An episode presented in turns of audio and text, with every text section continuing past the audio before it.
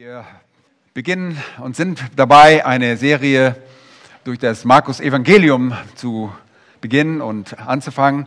Äh, und ich möchte zunächst den Text heute Morgen lesen, Markus Kapitel 1, die Verse 1 bis 8.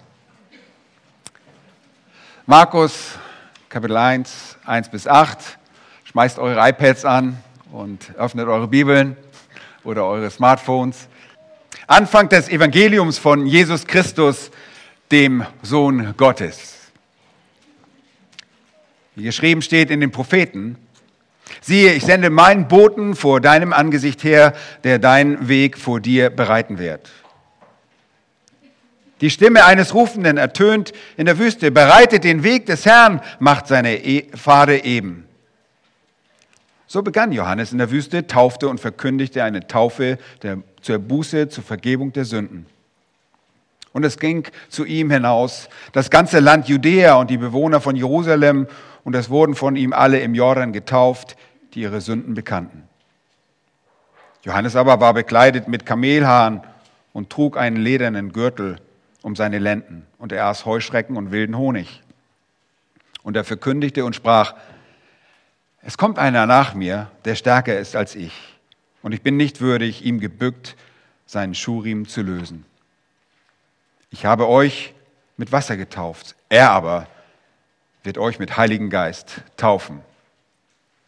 Nun, ich möchte euch heute Morgen ein paar einleitende Gedanken kurz noch einmal das Thema des Markus Evangeliums erklären. Der Text heute Morgen wird euch das Versprechen beziehungsweise dann auch noch die Vorzeichen des kommenden Retterkönigs zeigen, so wie sie Markus uns in diesem Text aufzeigt. Und sie bestehen in einer geschriebenen Prophetie über einen Vorbereiter, einen Propheten, der im Auftrag Gottes kommt und genau das tut, das Volk nämlich vorbereitet auf den kommenden Retterkönig. Aber lasst uns zunächst zu der Einleitung und dem Thema des Markus-Evangeliums kommen. Wir wollen uns noch einmal daran erinnern, vorher, wer hier schreibt. Und ich weiß, letztes Mal waren sehr viele Informationen und ich, ich fasse das einfach nur noch einmal kurz und bündig zusammen. Der Schreiber des Evangeliums ist Markus, Johannes Markus, der als Diener bekannt wurde. Ein Mann, der als Jüngling die Gefangennahme Jesu beobachtete, aber aus Furcht vor der eigenen Gefangennahme flieht. Wir haben das beim letzten Mal betrachtet. Markus lebte vermutlich bei seiner Mutter, in deren Haus die Jünger und Apostel ein- und ausgingen und sich dort an der christlichen Gemeinschaft zu erfreuen und auch dort sich im Gebet zu treffen und darin zu verharren. Früh wurde so der noch junge Markus mit den ganz Großen der Gemeinde vertraut. Sein Vetter Barnabas und Saulus nehmen ihn sogar von Antiochia, Syrien mit auf die erste Missionsreise. Aber bereits nach, der, nach den ersten Diensten, nach dem Dienst auf Zypern, kneift Markus und kehrt nach Jerusalem zurück. Seinetwegen entsteht auch eine sehr heftige Auseinandersetzung vor Beginn der zweiten Missionsreise. Markus ist wohl mittlerweile wieder in Antiochia eingetroffen und Markus und Paulus und Barnabas wollen eigentlich zusammen aufbrechen. Und als Barnabas jedoch dazu rät, wieder Johannes Markus mitzunehmen, ist Paulus unwillig. Grund dafür sind die Ereignisse in Pamphylien. Markus nämlich verlässt spontan das Missionsfeld und seine plötzliche Abreise geht zurück äh, einfach nach Jerusalem, verlässt den Dienst. Und Paulus wählt für seine zweite Missionsreise stattdessen Silas als Begleiter. Barnabas jedoch nimmt sich den Markus erneut, nimmt sich des Markus erneut an und er reist mit ihnen nach Zypern. Und da an dieser Stelle verlieren wir zunächst einmal die Spuren von Markus für ein paar Jahre. Später lesen wir, dass Markus wohl bei Paulus in Rom ist. Und das ist während seiner ersten Gefangenschaft ersichtlich aus dem Philemon-Brief. Im Kolosserbrief wird deutlich, dass er Markus nach Kolossee sendet und die Geschwister in dieser Gemeinde bittet, den Markus dort aufzunehmen. Zum Ende der paulinischen Zeit, dem Ende seines Dienstes, wird ersichtlich, als er Timotheus bittet, Markus mit sich zu bringen. Nun, es wird ersichtlich, dass sein Verhältnis zu Markus nicht nur wiederhergestellt ist, sondern dass Paulus denkt, dass Markus ihm für seinen Dienst auch nützlich sein kann und nützlich ist. Dort lesen wir im 2. Timotheusbrief, Kapitel 4, Vers 11, Nimm Markus zu dir und bringe ihn mit, denn er ist mir sehr nützlich zum Dienst. Letztlich kommen wir einen kleinen Beweis dafür, dass auch Petrus sich Markus unter die Fittiche genommen hatte. Denn er schreibt aus Rom seinen Brief, den ersten Petrusbrief. Und das ist, äh, sagt er dort, dass er äh, seinen geistlichen Sohn bei sich hat. Das ist äh, sein geistliches Ziehkind, nämlich Markus. Extra biblische Literatur berichtet davon, dass Markus nicht nur Zeit mit Rom in Rom verbrachte, sondern dass dieser sogar als Dolmetscher für Petrus dort wirkte. Letztlich schreibt er auch dieses wunderbare Evangelium und die Premiere, die vornehmliche Empfängerschaft sind die Römer. Es wird primär an sie geschrieben und es geht sehr viele Indizien dafür, dass es so ist. Und ich werde im Laufe der Predigtserie immer mehr Hinweise dafür geben, dass ihr das auch erkennt, warum hier wohl die Römer im Vordergrund stehen. Die Feststellung und folgenden, die folgenden Ausführungen, die ich euch jetzt bringe, sollen heute erst einmal genug sein, um das euch aufzuzeigen. Nun, wir kommen zu dem Titel, beziehungsweise dem Thema, das Markus seinem Evangelium gegeben hat. Und das finden, findet sich gleich in Vers 1. Das ist wunderbar, man braucht nicht lange suchen. Vers 1 fasst alles wunderbar zusammen. Bitte haltet eure Bibel offen, das iPad oder das Smartphone auf Standby, damit ihr einfach folgen könnt. Und ich lese Markus 1, Vers 1. Anfang des Evangeliums von Jesus Christus, dem Sohn Gottes. Und hier haben wir wirklich das Thema des gesamten Buches von Markus, des gesamten Evangeliums des Markus. Nun, ich möchte euch zum einen erklären, warum Markus sein Schreiben nur als Anfang des Evangeliums bezeichnet. Und zum anderen möchte ich euch ein Stück oder Stück für Stück auch in die Weltgeschichte, vor allem die Geschichte des römischen Reiches hineinnehmen. Denn die profane Geschichte dient immer als ein Baugerüst der Heilsgeschichte und bereichtet unser biblisches Verständnis immens. Und das ist in dem Fall der Überschrift und des Themas wirklich bedeutsam. Aber nun der Reihe nach. Markus sagt Anfang des Evangeliums von Jesus Christus. Und er weist mit diesen Worten sofort darauf hin, dass sein eigener Bericht nicht vollständig bis zum Ende ausgeführt wurde. Er selbst weiß, dass das Evangelium noch weitergeht und dass, es nicht, dass er nicht einmal dazu selbst in der Lage wäre, das zu tun. Über das Ende gibt es so viel zu berichten, mindestens ebenso wie sein fantastischer Anfang. Es ist eine Nachricht von dem Retterkönig und diese Nachricht hat ein mindestens ebenso fantastisches Ende, wie es beginnt. Und bei diesem Anfang nimmt Markus sehr viel Rücksicht auf die Kenntnisse seiner Empfänger. Nun, es war sicherlich einfacher, wenn einem gesetzgelehrter Jude über dieses Thema, das Markus nun vorgibt, nachzudenken. Wenn er nun nach, darüber nachdenken sollte, war es einfacher für diesen Juden. Wir kennen Juden in Rom. Aus der Apostelgeschichte kennen wir zwei Gläubige, ihr erinnert euch daran, aber sie mussten Rom verlassen, weil Kaiser Claudius das angeordnet, befohlen hatte. Wer waren das? Priscilla und Aquila, richtig? Sie mussten Rom verlassen, nachzulesen in Apostelgeschichte 18, 1 und 2. Nun, die Erwartung der Juden war, dass der Gesalbte für Israel kommen sollte. Und genau, wenn ihr genau hinschaut, der erste Vers spricht Anfang des Evangeliums von Jesus Christus. Und ich, ich führe das gleich noch aus. Christus ist der Gesalbte. Das bedeutet heute nichts anderes. Das ist eine Übersetzung. Die, das griechische Wort für das hebräische Messias bedeutet der Gesalbte. Und ein Gesalbter ist ein König. Könige wurden gesalbt. Und hier ist Jesus, dessen Name auch für seine Rettung steht, Jeheshua oder Mahashia ist der Messias. Jesus der Messias, der Retterkönig, der kommen würde. Nun, die Erwartung der Juden war, dass der Gesalbte für Israel kommen sollte. Die Erwartung stieg besonders durch die Fremdherrschaft der Nation über Israel. Israel erlitt ein gerechtes Gericht und die Juden hatten bereits die Verheißung des Tenachs, unser Altes Testament, und sie konnten rein menschlich gesprochen mit dem, was Markus sagte, natürlich auch schon vertraut sein. Sie hätten es lesen können und verstehen können, was hier geschrieben steht. Übrigens, nur angemerkt, der Name Jesus war ein geläufiger Name ähm, zur Zeit, als Jesus geboren wurde.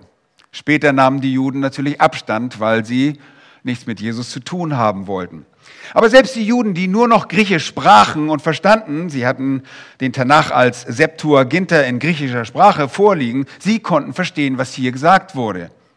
Sie wurden unterwiesen in der Tora, den Propheten, zu denen auch Jesaja und Maleachi gehörten, aus denen Markus hier auch zitiert. Markus schreibt nur, was geschichtlich tatsächlich auf die Geschichte des Tanachs folgte. Es war für die Juden leicht verständlich. Nun, was für eine Erwartung hatten die Juden? Nun, im Alten Testament wird uns gesagt in Jesaja 40, tröstet, tröstet mein Volk, spricht euer Gott. Warum Trost? Weil sie waren hart bedrängt, es gab Gericht, ihr Ungehorsam hatte ihnen Gericht gebracht, aber jetzt kommt eine Botschaft des Trostes durch den Propheten Jesaja und er lässt sie hoffen auf den Trost Israels. Vielleicht habt, ist euch das mal aufgefallen. Im Neuen Testament gibt es einen Mann namens Simon, Simeon in Jerusalem. Das war ein gerechter und gottesfürchtiger Mann und er wartete auf den Trost Israels. Israel sollte getröstet werden. Durch wen? Durch den Kommenden.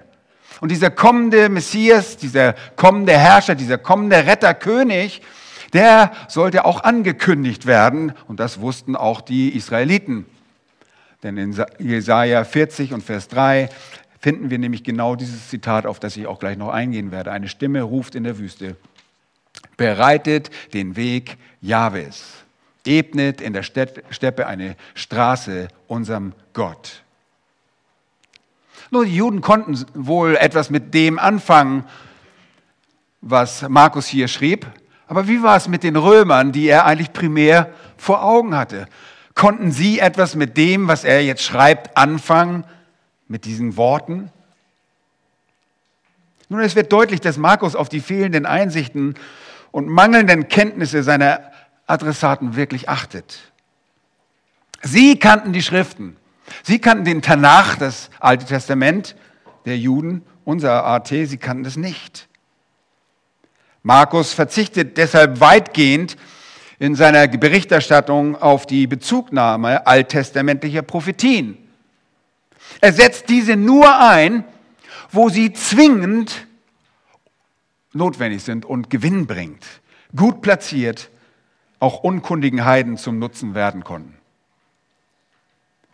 Und bereits bei der Formulierung des Themas erweist er sich als sehr weise, absolut weise. Denn jeder Empfänger würde nach dem Lesen dieser Botschaft, dieses Themas fragen, das verkündigte Evangelium von Jesus Christus, das Evangelium vom Reich Gottes, das dieser Christus verkündigte, wo ist es? Wo ist es? Was ist die Konsequenz aus dieser Botschaft vom Reich? Wie wird das Reich aussehen? Und gibt es da keine weiteren Details dazu? Doch, aber nicht von mir, so impliziert Markus. Ich beschränke mich mit meinen Ausführungen auf den wesentlichen Anfang dieses Evangeliums, den Anfang, der die Empfänger, die Adressaten zu erretten vermochte. Es ist Teil 1 und der ermöglicht die Errettung. Lieber Freund, das ist heute noch immer so. Das Evangelium von Jesus Christus, dem Sohn Gottes, so wie es Markus uns aufgeschrieben hat, vermag deine Seele zu retten. Schenke seinen Worten deine ganze Aufmerksamkeit. Vertraue darauf, was er schreibt, und du wirst gesegnet. Ja, wenn deine Aufmerksamkeit in der Unterwürfigkeit der Nachfolge von Jesus Christus mündet, dann bist du gerettet Und wer ist ein Erbe des Reiches, dessen Herrscher und König Jahwe Gott ist? Nun, die Kernfrage, die sich uns immer noch stellt, ist, was ist das Evangelium? Und ganz offensichtlich, wenn ihr euch Vers 1 anschaut, ohne diese Erklärung dieses Wortes wissen wir nicht viel. Um es gleich vorauszuschicken, das Wort bezieht sich hier nicht auf das Buch eines biblisch inspirierten Autors. Er meint damit nicht sein Schreiben und auch nicht das Buch eines anderen Apostels oder das äh, Evangelium von Lukas.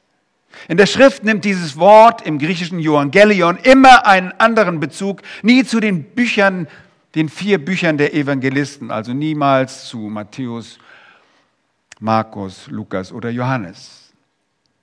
Nun, was bedeutet dieses Wort und wie können die Empfänger das überhaupt verstehen, wenn Johannes Markus mit einem derartigen kanaanäischen Bibelgriechisch, und ich meine damit Frommdeutsch, schreibt? Nun, hat er wirklich in einem frommen Jargon der Anhänger dieses Retterkönigs gesprochen?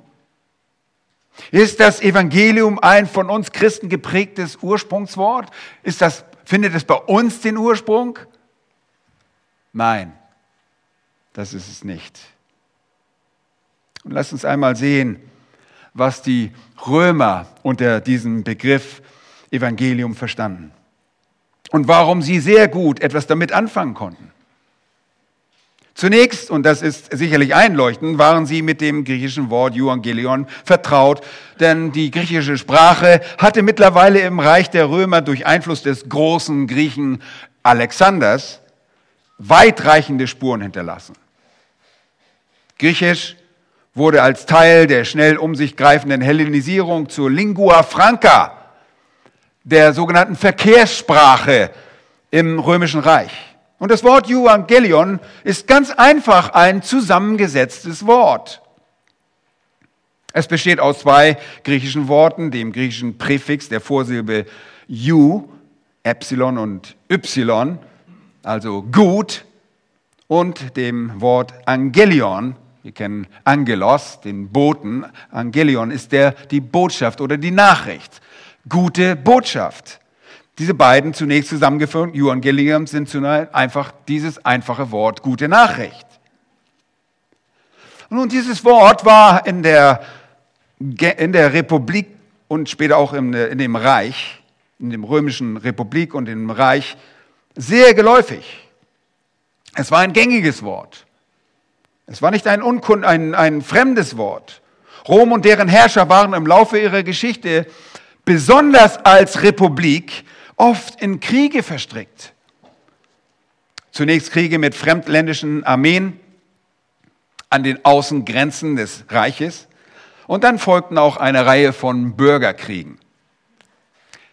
David Pawson, ein Autor und Gemeindeleiter in Großbritannien, schreibt, Zitat Anfang, im Römischen Reich gab es nicht selten Kriege an irgendwelchen entlegenen, gab es nicht selten Kriege an irgendwelchen entlegenen Grenzen. Die Bürger Roms warteten unterdessen gespannt auf Neuigkeiten vom Schlachtgeschehen, um zu erfahren, ob der Krieg gewonnen oder verloren war. Im Falle eines Sieges kam ein Botschafter in die Stadt gelaufen und rief, Evangelium, Evangelium, Evangelium.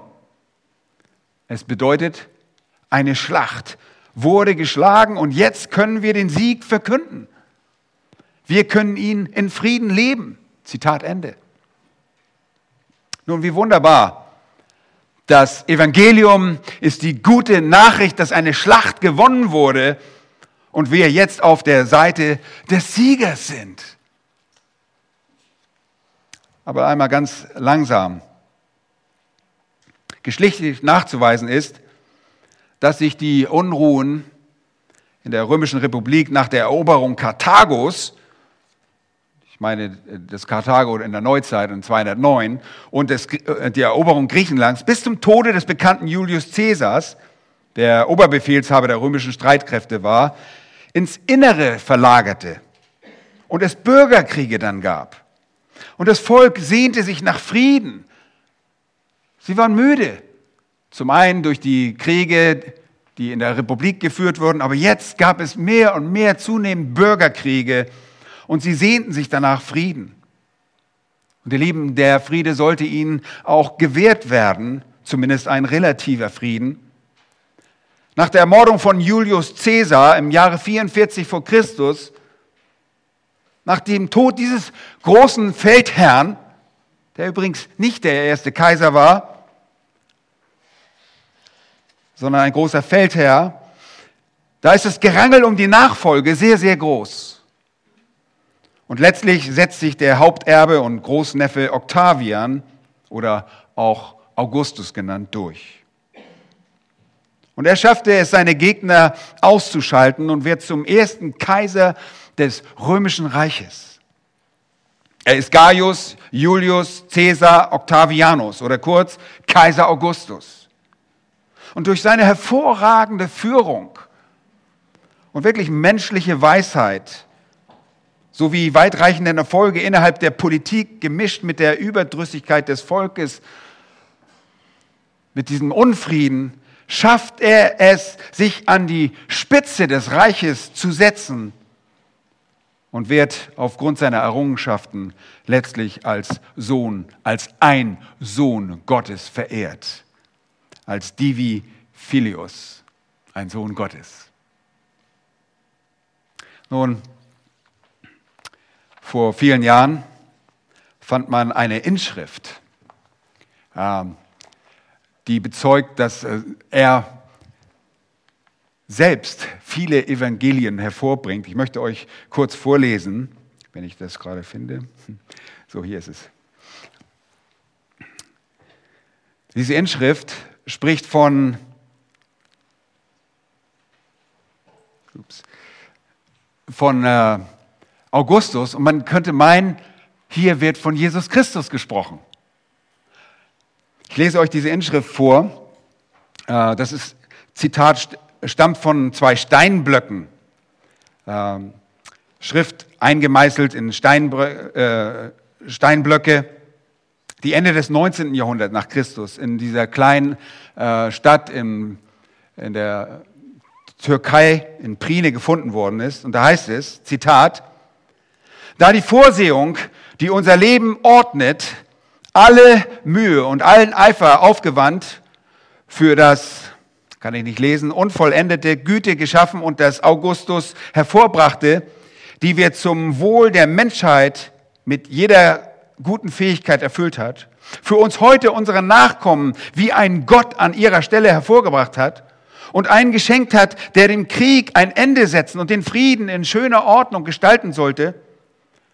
Und da der Kaiser mit diesen Fähigkeiten geboren, die Erwartungen der Empfänger mit seinen Wohltaten übertroffen hat, wobei er nicht nur seine Vorgänger mit der Fülle seiner Leistungen überholt, sondern auch seine Nachfolger keinerlei Hoffnung gelassen hat, sich ihm vergleichen zu dürfen und damit dem Geburtstag dieses Gottes für die Welt die Evangelien, die von ihm ausgehen, ihren Anfang nahmen.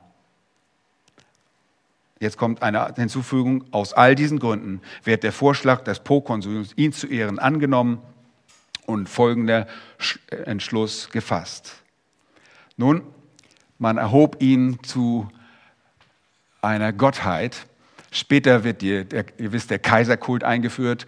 Ähm, Kaiser Augustus fordert nie diese äh, Anbetung. Das kommt erst richtig zum Tragen durch Diokletian. Aber Augustus schafft Frieden. Und zwar so ein Frieden, dass er im Römischen Reich von dem Pax Augusta gesprochen wird. Pax, griechisch, bedeutet einfach äh, äh, hier dieser Friede, lateinisch. Ja, und bedeutet Friede. Hier heißt es in einer Schrift, dieser Neubeginn, der nach den Während des Bürgerkrieges eine Zeitalter relatives Friedens ankündigte, konnte als Evangelium bezeichnet werden. Evangelium meint somit eine für die Bevölkerung des römischen Reiches frohe Botschaft. Die frohe Botschaft war, dass Kaiser Augustus da war, dass er geboren wurde. Nun,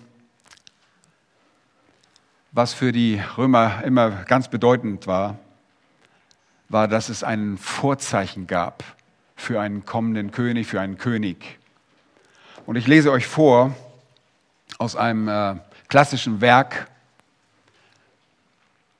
einem klassischen äh, Geschichtswerk von einem gewissen Suten. Äh, das ist ein Privatsekretär ähm, des Kaisers gewesen im Jahre 70 bis 120 nach Christus.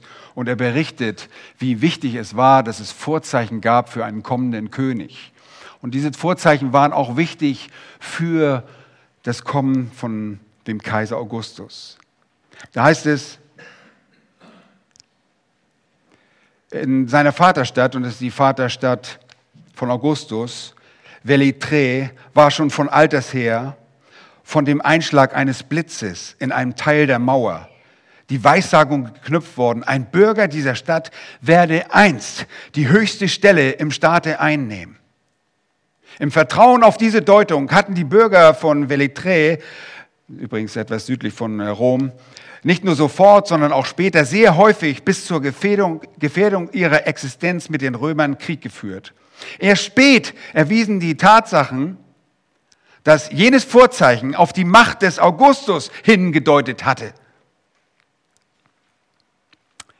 Julius Marathus, ein anderer Historiker und ein Freigelassener des Octavian, überliefert wenige Monate vor Octavians Geburt, sei, sagt er, sei von einem öffentlichen Ort zu Rom ein Wunderzeichen geschehen, durch welches verkündigt wurde, die Natur sei im Begriff, dem römischen Volke einen König zu gebären. Darauf hätte der hierdurch auf höchste erschrockene Senat den Beschluss gefasst, kein in diesem Jahr geborenes Kind sollte lebend aufgezogen werden. Aber die Männer, deren Frauen schwanger waren, hätten dafür Sorge gewusst, Sorgen gewusst, zu sorgen gewusst, dass jener Senatsbeschluss keine Gesetzeskraft erhalten hätte. Denn jeder habe die Erfüllung der Weissagung auf seinen eigenen Sohn bezogen. Ihr seht, es gab Zeichen und Wunder.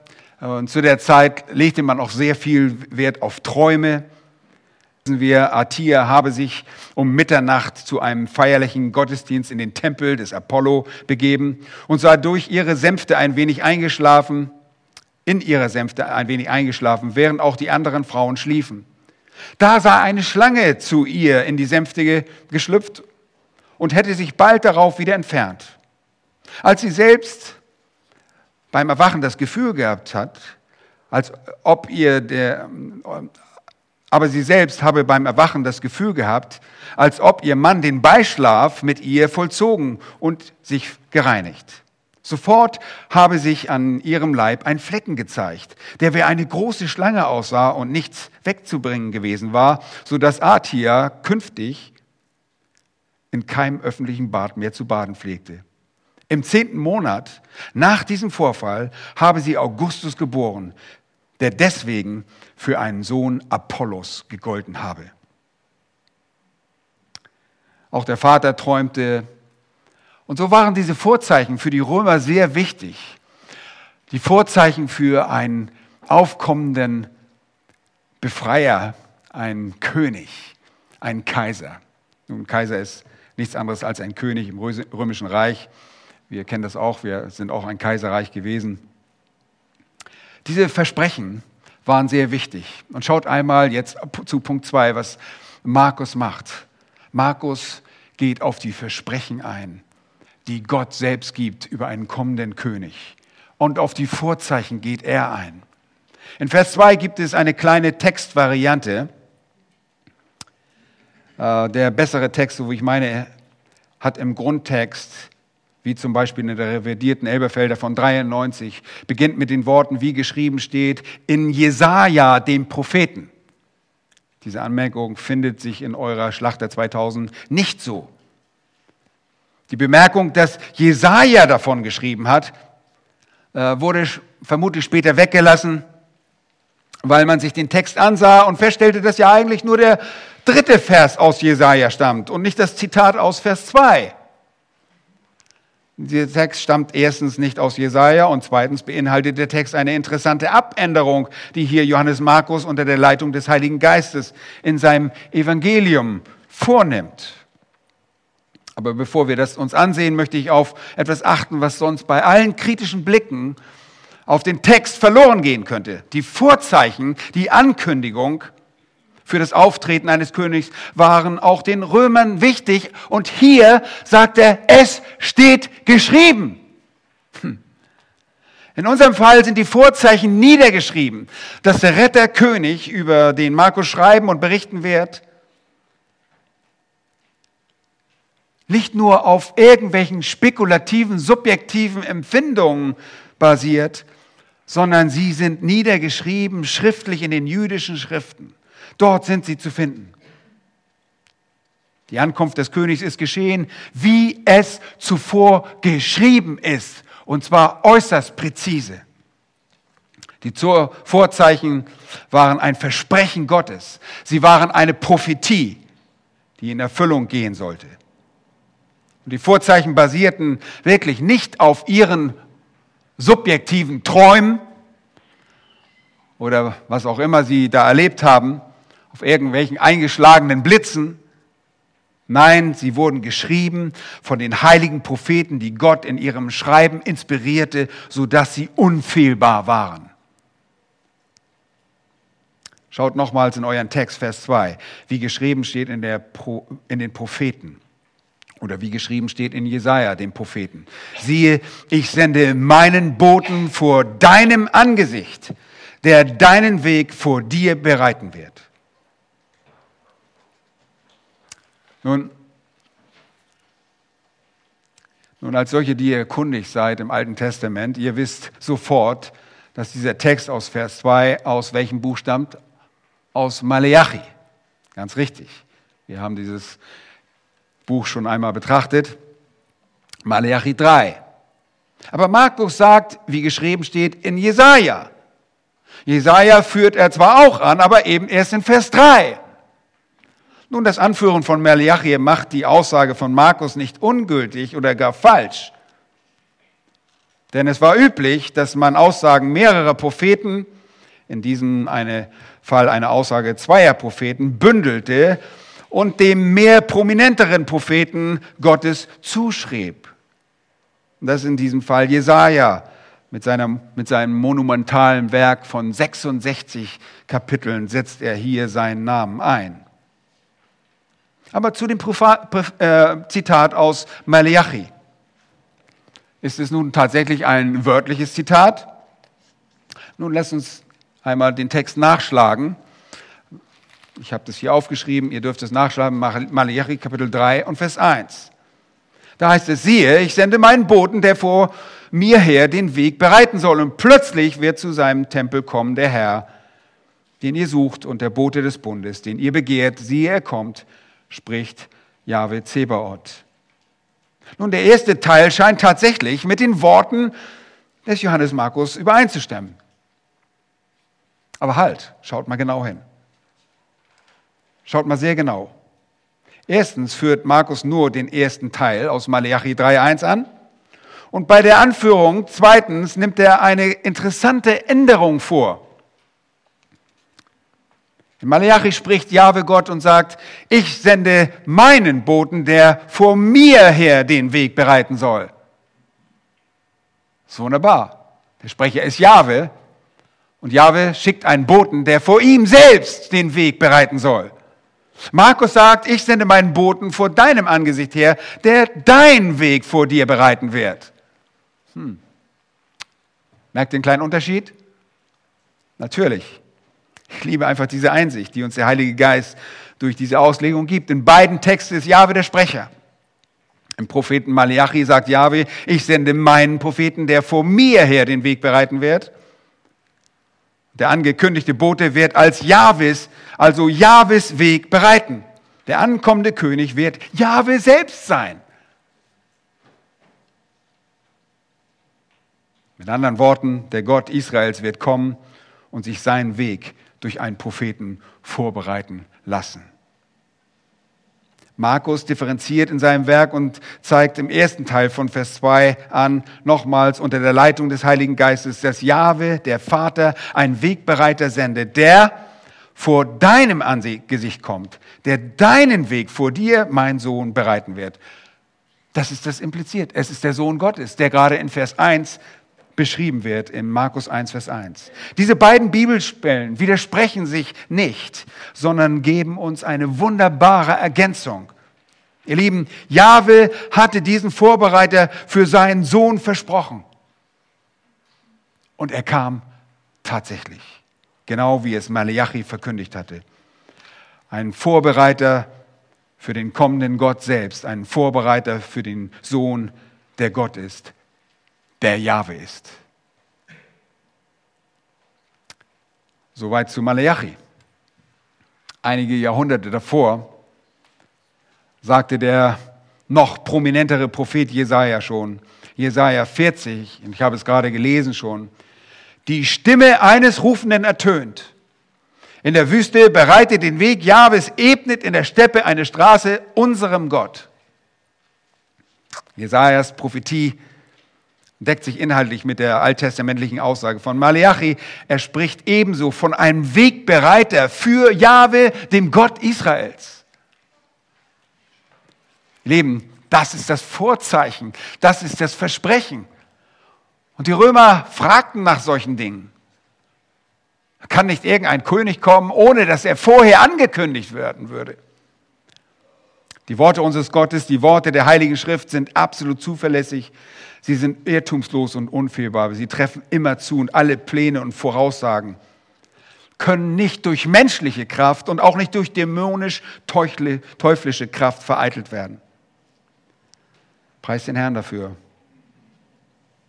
Der Retterkönig sollte kommen und Markus würde von ihm berichten, dass er gekommen ist. Das Kommen dieses Königs wurde durch einen von Gott gesandten Boten eingeläutet.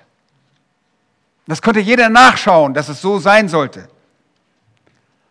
Und Markus konzentriert sich in seinen anfänglichen Ausführungen nicht gleich auf den kommenden und siegreichen König Retter, Retterkönig, sondern auf den Propheten, der als Bote als ein Herold kommen sollte, um diesen König anzukündigen. Und ich muss mich hier wiederholen. Dieses Ganze ist dem römischen Denken nicht fern.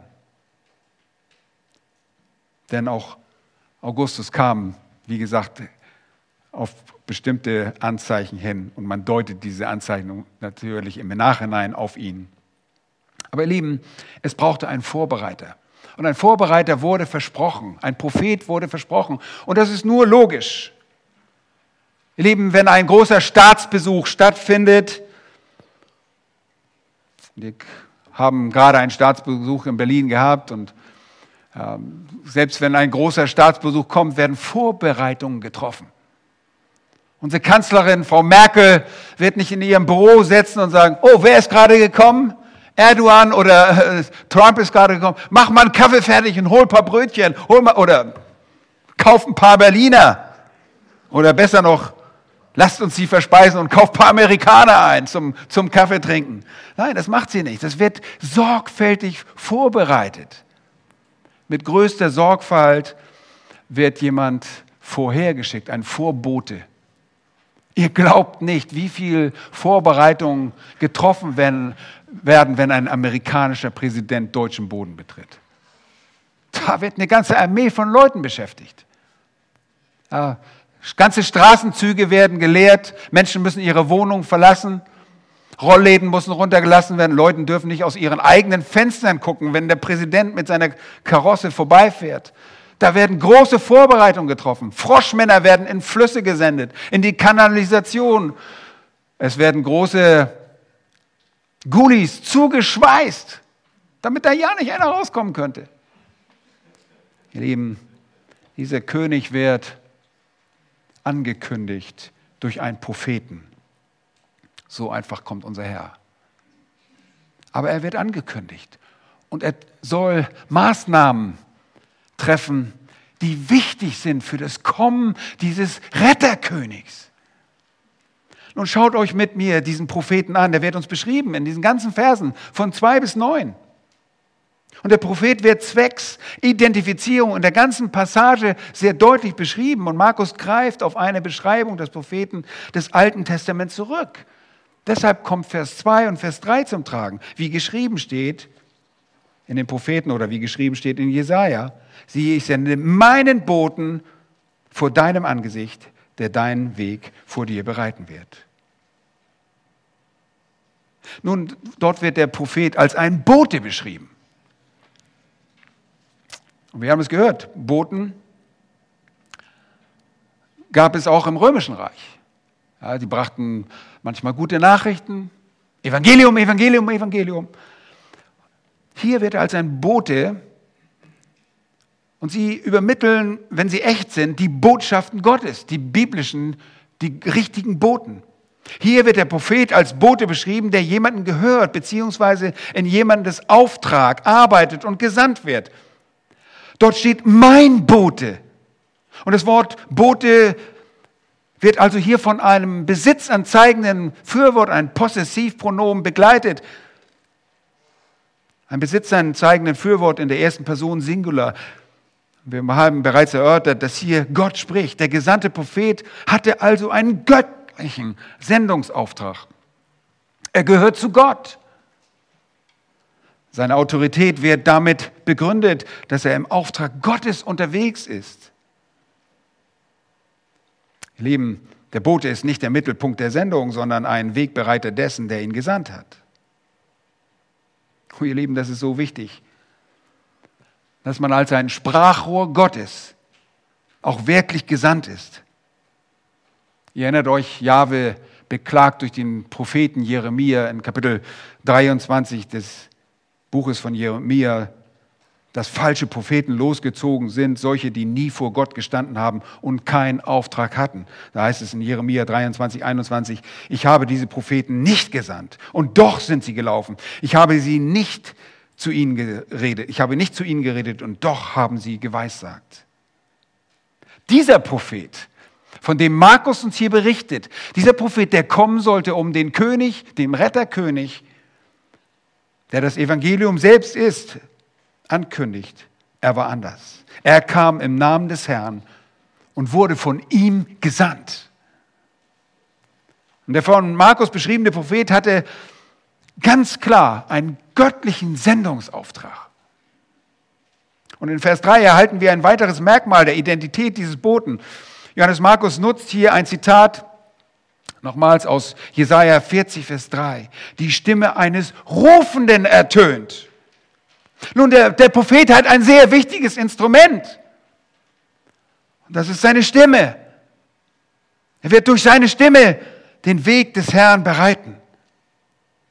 Er überliefert für seinen Auftrag kein Dokument, sondern er macht die Botschaft laut bekannt. Jetzt seid ihr wieder wach. Danke. Er macht sie laut bekannt. Und ratet mal warum. Er wird auffordern, den Weg für Jahwe zu bereiten an einer öden, an einem öden Platz in der Wüste. Da muss man laut sein. Diese Stimme wird nicht im Zentrum der Hauptstadt Jerusalem ertönen. Sie wird gemäß Vers 3 in der Wüste zu hören sein. Sie ist die Stimme eines Rufenden. Merkwürdig, dass das in der Wüste geschieht, aber dieses sonst so ungewohnte Umfeld für die Verkündigung dient so als ein klares Zeichen seiner Identität. Denn Verkündiger würden in der Regel dort sein, wo die Menschen bereits sind. Und sie würden die Plattform des Tempels nutzen und die Bequemlichkeit einer angemessenen Infrastruktur bevorzugen. Umso einfacher wird die Identifizierung des Boten sein, des gesandten Propheten. Er würde in der Wüste auftreten. Und so geschah es dann auch. Geht zu Vers 4. So begann Johannes in der Wüste, taufte und verkündigte eine Taufe der Buße zur Vergebung der Sünden.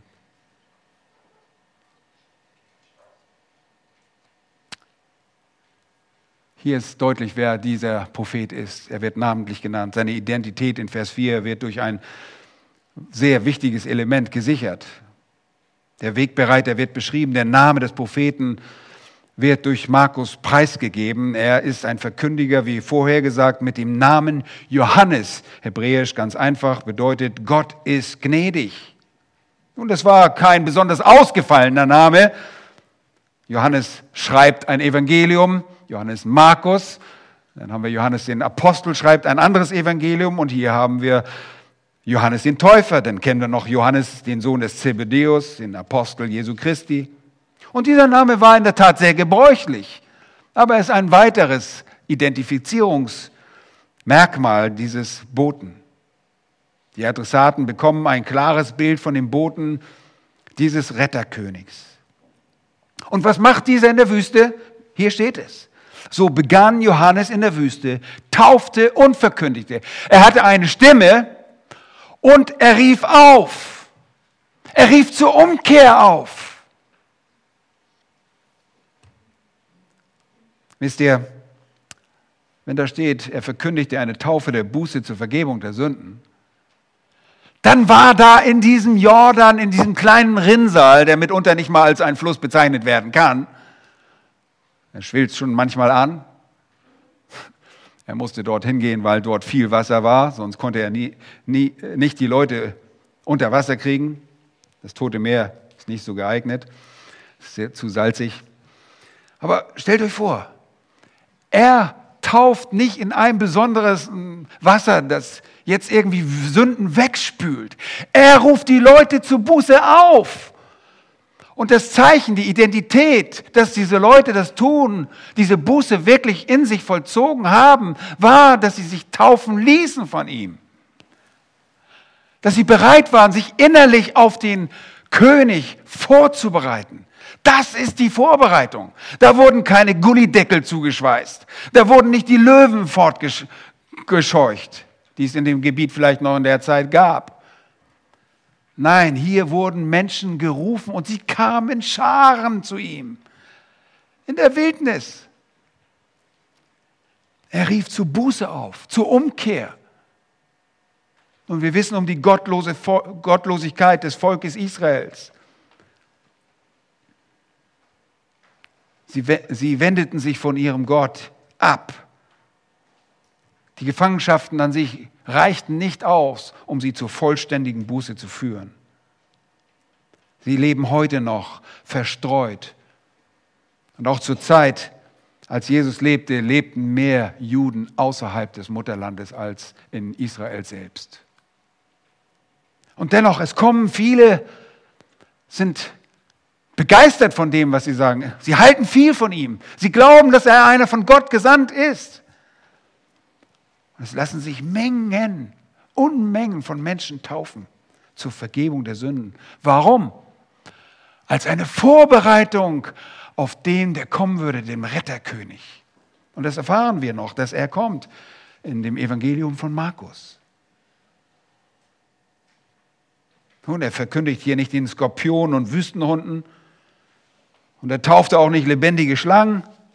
Nein, die Menschen strömten zu ihm hinaus. Vers 5. Und es ging zu ihm hinaus das ganze Land Judäa. Und im Umland von Judäa lebten nicht so, so viel, aber die Bewohner von Jerusalem. Und es wurden von ihm alle im Jordan getauft, die ihre Sünden bekannten. Nun, wie war das? Ich stelle mir das häufig vor, wie das wohl vor sich gegangen ist. Es kommt diese Unmengen, musste Johannes erstmal eine theologische Prüfung aufschreiben und sagen, hey, glaubst du das, glaubst du das, glaubst du das? Was glaubst du das, glaubst du das? Was ist deine Theologie über die Dreieinigkeit? Oder nein, sie bekannten ihre Sünden. Sie schlugen sich an die Brust und sagen, wir sind Sünder, wir müssen umkehren, wir wollen Buße tun und lassen uns taufen, wir identifizieren uns mit diesem kommenden Retterkönig. Und wisst ihr, wir erfahren aus der Geschichte der Bibel, dass Johannes Jünger hatte. Die liefen ihm hinterher. Das war ja nicht ungewöhnlich. Dass Rabbis, dass Lehrer Jünger hatten, die liefen ihm alle hinterher und hörten ihm zu. Und diese wahren Jünger des Johannes, die würden dem folgen, was Johannes sagte. Er wies auf jemand anders hin, er wies nicht auf sich hin. Nicht ich bin der Prophet, ich bin auch nicht Elia. Er ist in der Kraft des Elias gekommen, aber ich bin nicht der, der kommen soll, sondern ich bin nur eine Stimme. Es ging ganz Volk hinaus und ließ sich taufen. Der Prophet und Bote und Wegbereiter des Herrn wurde so wie der kommende König angekündigt.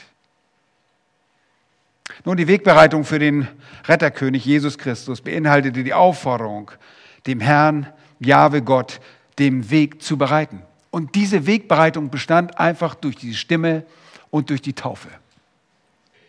Nun, war das eine übliche Art und Weise zu taufen? Nein. Deshalb wird er auch bekannt als Johannes der Täufer, der ständig tauft.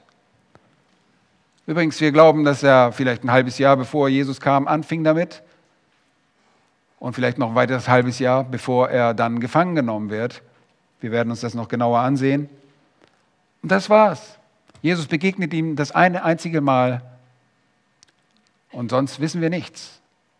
Nun, sicherlich werden die beiden voneinander gewusst haben. Ihr wisst um ihre übernatürliche Art und Weise, wie sie geboren wurden, wie sie gezeugt wurden, vielmehr.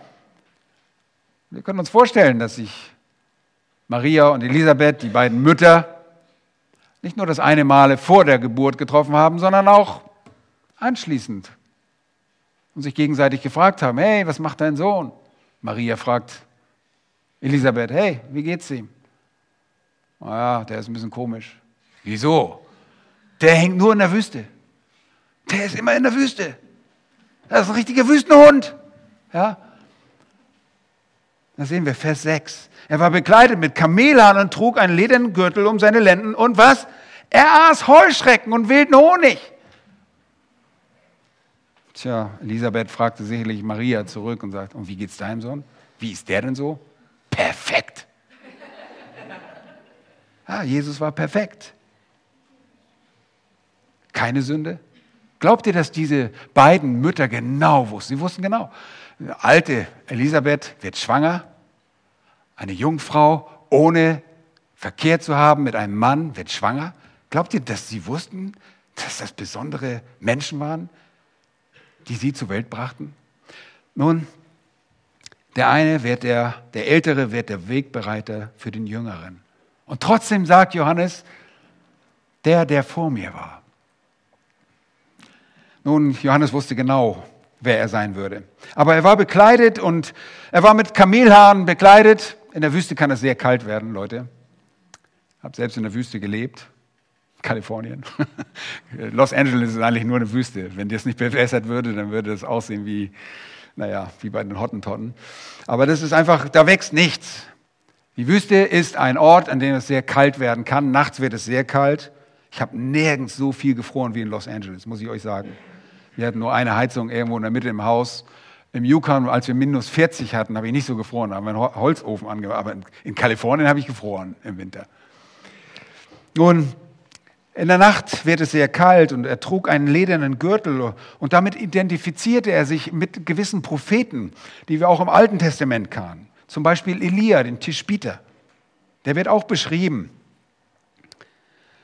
In 2. Könige Kapitel 7 und 8 wird er beschrieben, wie sah der Mann aus, der dir begegnete. Und er wird gesagt, der Mann trug einen Mantel aus Ziegenhaaren. Und hier sind es Kamelhaare. Kamele und Ziegen sind in der Wüste auch ansässig und äh, er hatte einen ledernen Gürtel um seine Lenden. Und das war im 2. König der Prophet Elia, der Tischbieter. Und hier kommt zwecks Identifizierung Johannes auf diese Art und Weise. Nun, das war sicherlich sehr praktisch, ein warmes Kamel um sich her zu haben, Kamelhaare, ein Kamelhaarmantel. Und äh, und dann hatte er wunderbare Nahrung. Ich habe euch ein paar mitgebracht äh, für alle jungen Leute, die nachher eine Kostprobe haben wollen. Heuschrecken. Und wilden Honig habe ich auch mitgebracht. Den habe ich von Försters bekommen. Wilder Honig aus Hohenschönhausen. Ja, Mary Förster gemacht. Aber für eine Probe, ja, alle, die so mit großen Augen gucken, kommt nachher zum Essen. Wir haben einen kleinen Snack. Heuschreckensnack. Davon hat er gelebt. Johannes der Täufer hat sich davon ernährt und diese Heuschrecken haben 50 Prozent Proteine. Sehr gut, sehr gesund. Keine Nebeneffekte, keine Angst, dass ihr irgendwelche Allergien habt. Also, ich will euch hier alle antanzen sehen nachher.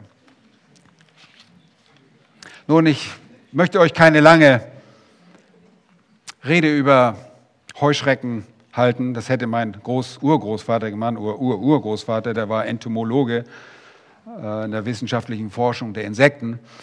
Aber diese Insekten durfte ein Israelit essen. In 3. Mose 11, 22 heißt es, von diesen dürft ihr essen. Alle Arten der Arbe-Heuschrecke, alle Arten der Sulham-Heuschrecke, der Hargol-Heuschrecke und der Hagab-Heuschrecke. Lieben, Heuschrecken, Schwärme sind sehr nahrhaft. Nun,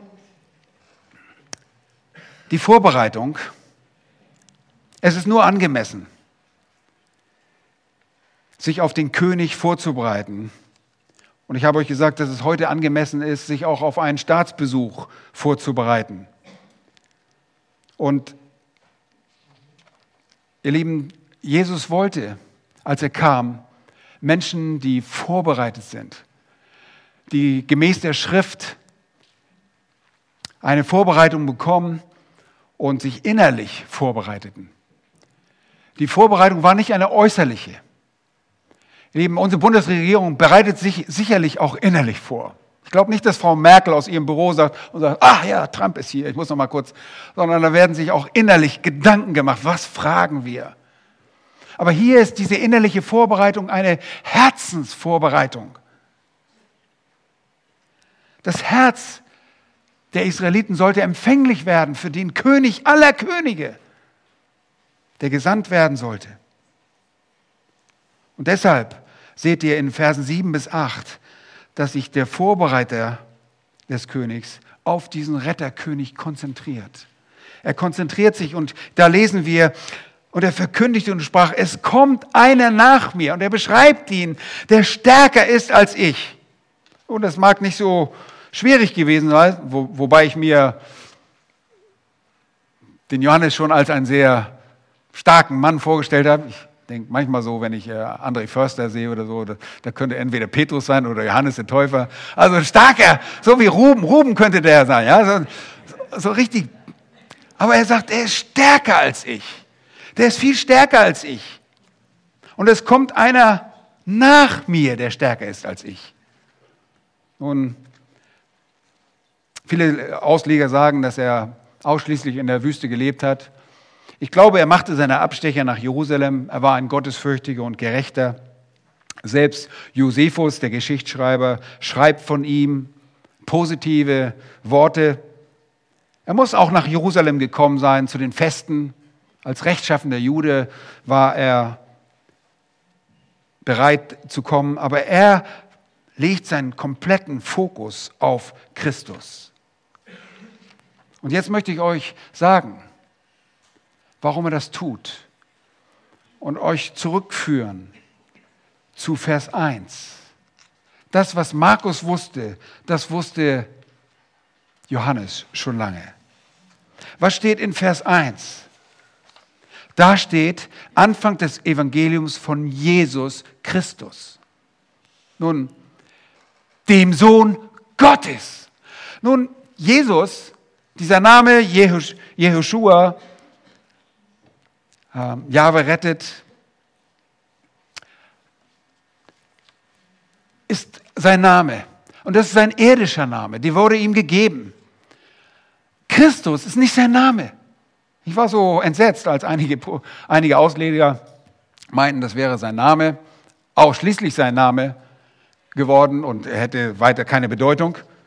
Christus bedeutet der Gesalbte. Gesalbt wurden in Israel was? Die Könige. Wir erinnern uns an die Monarchie. Wir erinnern uns an, an Samuel, der losging und Könige salbte, damit sie regieren konnten, sich mit ihnen identifizierte. Nun, er war nicht nur irgendein König, er war nicht nur irgendein König, sondern war der König, der Sohn Gottes, der Gesalbte des ewigen Gottes. Die Römer sind überhaupt nicht beeindruckt, wenn du ihn ankommst und sagst, er ist ein Sohn eines Gottes. Das war ihr August, Augustus auch, Octavianus. Er war der Sohn des großen Apollos. Und schließlich gab man ihm ja den Titel Divi Filius, was so viel bedeutet wie Sohn eines Gottes. Nun, hier ist der Sohn Gottes. Und er wird von diesem einfachen Mensch, der mit so einem Kamelhaarmantel rumläuft und einem Ledergürtel und sich von Heuschrecken und Honig ernährt, verkündet und angekündigt, wie die Schrift es vorhergesagt hat. Äußerst demütig, oder? Äußerst demütig. Und trotzdem realisiert er und fokussiert er sich auf diesen, er kommt nach mir und er ist stärker als ich. Und er, er kannte die Schriften.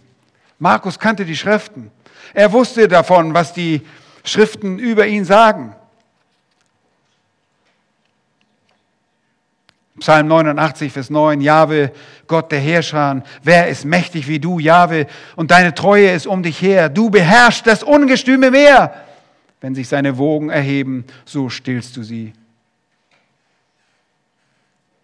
Er kannte die Größe seines Gottes, die er jetzt ankündigen wird. Und umso mehr verwundert er sich in den folgenden Versen, als Jesus zu ihm kommt und sich von ihm taufen lassen möchte. Aber er sagt, ich bin es nicht einmal wert. Ich bin es nicht einmal wert, ihm gebückt seinen Schuhriemen zu lösen. Nun, er hatte die Niedrigkeit erkannt. Kienert, der Kommentator, sagt, Zitat, Jünger dienten ihren Lehrern oft genauso wie Sklaven ihren Herren dienten, ausgenommen die allerniedrigsten Arbeiten wie das Aufbinden der Sandalen. Johannes fühlt sich also nicht einmal würdig, der Sklave des Messias zu sein. Zitat Ende. Er kannte seine Niedrigkeit, er wusste um die Macht. Und er weiß, das auszudrücken. Er sagt, ich komme mit ein bisschen Wasser aus dem Jordan. Vers 8, ich habe euch mit Wasser getauft. Und er war sich vollkommen bewusst. Der war nicht doof, dieser Mann, weil er da in der Wüste lebte, wie so ein Wüstenhund, er wusste ganz genau, meine Taufe ist vorbereitend auf diesen König, auf diesen Retterkönig. Aber dieser König, er wird kommen, der wird euch mit Heiligen Geist taufen. Und dieser Heilige Geist, getauft werden mit dem Heiligen Geist. Und wir haben uns in der Theologie damit beschäftigt und wir denken sehr schnell an 1. Korinther Kapitel 12, Vers 13, wo es heißt, denn wir sind alle ja durch einen Geist in einen Leib hineingetauft werden. Ob wir Juden oder Griechen sind, Knecht oder Freie, wir sind alle getränkt worden zu einem Geist. Diese Geistestaufe ist eine Veränderung. Dieser Retterkönig konnte retten und das bedeutete, dass er Menschen veränderte. Das ist das größte aller Wunder. Liebe Charismatiker, hört auf mit eurem Quatsch, dass irgendwelche Füße länger werden oder Beine länger wachsen oder irgendwelche Krücken wieder weggeschmissen werden. Unser Gott verändert das Herz, das menschliche Herz. Das ist seine wahre Größe. Das kann niemand. Kannst du dich selbst verändern? Ich kann es nicht. Nur Gott kann dich verändern. Und das kündigt er an. Er wird euch mit Heiligen Geist taufen. Er wird euch den Heiligen Geist geben. Er wird euch damit versiegeln. Damit ihr gewiss seid, dass ihr Kinder Gottes seid. Was für ein wunderbares Werk dass dieser Geist, der Geist Gottes, unserem Geist bezeugt, dass wir Kinder Gottes sind. Das kann nur der Geist Gottes. Das kann nur dieser Herr Jesus Christus. Er befähigt uns dazu. Ich will euch ein neues Herz geben und einen neuen Geist in euer Innerstes legen. Ich will das steinernde Herz aus eurem Fleisch wegnehmen und euch ein fleischernes Herz geben. Ja, ich will meinen Geist in euer Innerstes legen und werde bewirken, dass ihr in meinen Satzungen wandelt und meine Rechtsbestimmung befolgt. So schrieb Hesekiel in Kapitel 36, die Verse 26 und 27. Später sagt er in Kapitel 37, und ich werde meinen Geist in euch legen und ihr sollt leben. Das ist das Zeichen eines Retters. Oh, es ist überwältigend, was dieser Johannes wusste. Ihr denkt, in diesen paar Worten steckt nichts drin? Da steckt alles drin. Jesus Christus ist das Evangelium. Er ist die gute Nachricht. Und darauf fokussiert sich Johannes, der Vorläufer. Er macht ihn groß. Und beim nächsten Mal werden wir noch mehr davon hören und auch das Leben des Johannes noch deutlicher betrachten. Lasst uns ihm danken dafür.